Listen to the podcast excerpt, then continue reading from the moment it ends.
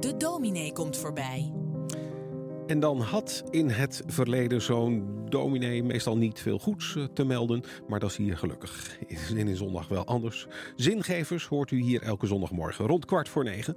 Een dominee, pastor, kerkelijk werker, geestelijk verzorger, noem maar op. Nu begroeten we weer, goedemorgen, pastor Victor, Victor Bulthuis. 2021 ligt weer achter ons. Eh, hoe kijkt u terug op dit jaar en met ook weer uh, oud en nieuw voor de boeg? Um, eerlijk gezegd heb ik niet zoveel met de symboliek van oud en nieuw. Hm. Het leven op 1 januari 2022 zal weinig verschillen van dat van 31 december van dit jaar. Het leven voltrekt zich en het is aan mij, aan ons, om te bepalen hoe we ons daartoe verhouden, denk ik. Uh, en mijn houding is daar een van openheid. En daarom heb ik van het afgelopen jaar gelukkig vaak kunnen genieten. Nou, dat, is, dat is ook mooi. Hè? Ja, gelukkig lukt dat ook velen nog steeds.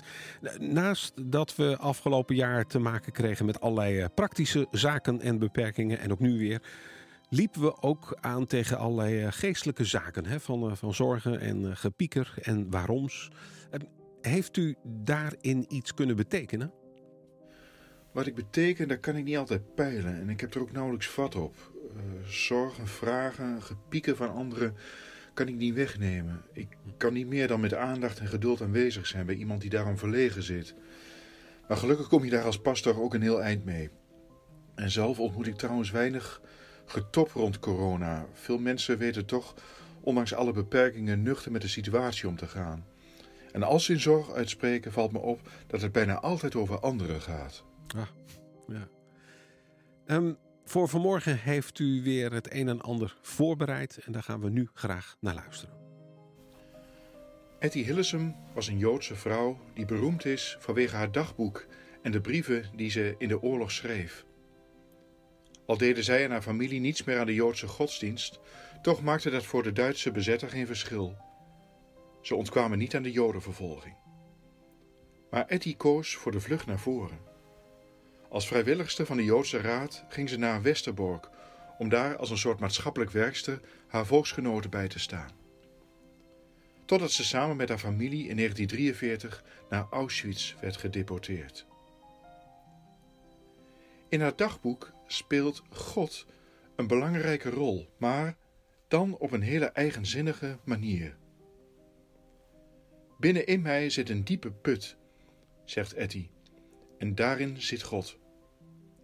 Vaak ligt er allerlei puin voor die put. Dan moet God worden opgegraven. God is er altijd, maar wij mensen geven vaak niet thuis. Etty wil daarom God een thuis geven in haar eigen hart en in de harten van andere mensen. Tegelijk ontdekt ze dat ze niet alleen God een thuis moet bieden, maar dat God ook een thuis wil zijn voor haar. Ja, juist doordat ze Hem altijd bij zich weet, kan ze een thuis zijn voor andere mensen. En daarom maakt het haar uiteindelijk niet meer uit waar ze is, of het nou in de stad is of in een kamp. In het Evangelie wordt Maria een thuis voor God. Van de engel Gabriel krijgt zij te horen dat een goddelijk leven in haar zal groeien. Anders dan Etty Hillesum is Maria een vrouw die volop leeft vanuit de Joodse godsdienst en de gebruiken die daarbij horen. Ze draagt de kleine Jezus op in de tempel, ze brengt een offer ze laat hem besnijden. Ze gaat samen met hem en Jozef naar de grote feesten in Jeruzalem en ze zorgt ervoor dat haar zoon wordt ingewijd in de Torah en in de traditie. Maar haar kind moet ze ver van huis ter wereld brengen, weg van alle geborgenheid en comfort. Direct daarop moet het jonge gezin vluchten naar Egypte, vanwege de moordzuchtige jaloezie van een schijnkoning. En ook later, als Jezus volwassen is geworden, zal Jezus geen vast thuis kennen, maar voortdurend onderweg zijn. En over het huis van God, de tempel, waar hij ooit als twaalfjarig jochie in discussie was met de schriftgeleerden om hen in wijsheid te overtreffen, zal hij zeggen: Er zal geen steen op de andere blijven. En zelf heeft hij ook geen steen om zijn hoofd op te laten rusten. En zelfs het graf de laatste verblijfplaats van een mens zal hem niet kunnen vasthouden. God laat zich niet binden aan één plaats en ook Jezus niet. Daar doet het beeld reizen van een rusteloze God, van wie we ons kunnen afvragen: waar kunnen we hem vinden? Waar is hij thuis? Overal en nergens in zekere zin. Hoewel, misschien mogen we met Etialism zeggen dat we hem op één plaats altijd kunnen vinden: in ons binnenste. Daar is God bij uitstek thuis. Maar hij kan onder het zand, het puin, de modder en de stenen van ons leven bedolven raken en dus uit het zicht. En daarom is speuren naar God soms graafwerk, dat we zowel in ons eigen hart als in de harten van andere mensen moeten verrichten. Dat is geen grof spitwerk, maar een geduldig en behoedzaam laag voor laag verwijderen wat ons van God scheidt.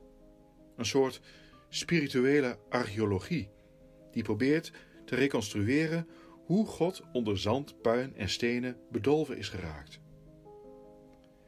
Zelfinzicht, empathie en nieuwsgierigheid naar onszelf en anderen zijn daarbij nodig, want geen twee mensen zijn hetzelfde. Daarom schrijft Eddie Hillesum: Mensen zijn soms net voor mij als huizen waarvan de deuren openstaan. Ik loop naar binnen en dwaal door de gangen en kamers en ieder huis is weer een beetje anders ingericht. En toch zijn ze allemaal weer hetzelfde. En ieder huis zal mij moeten maken tot een gewijde woning voor jou, mijn God. En ik beloof je, ik beloof je, ik zal in zoveel mogelijk huizen woning en onderdak zoeken voor jou, mijn God. Dat wij in deze voor velen onherbergzame tijd mogen ontdekken op welke manier God bij ons thuis wil zijn en wij bij Hem. Dat is mijn wens voor kerstmis.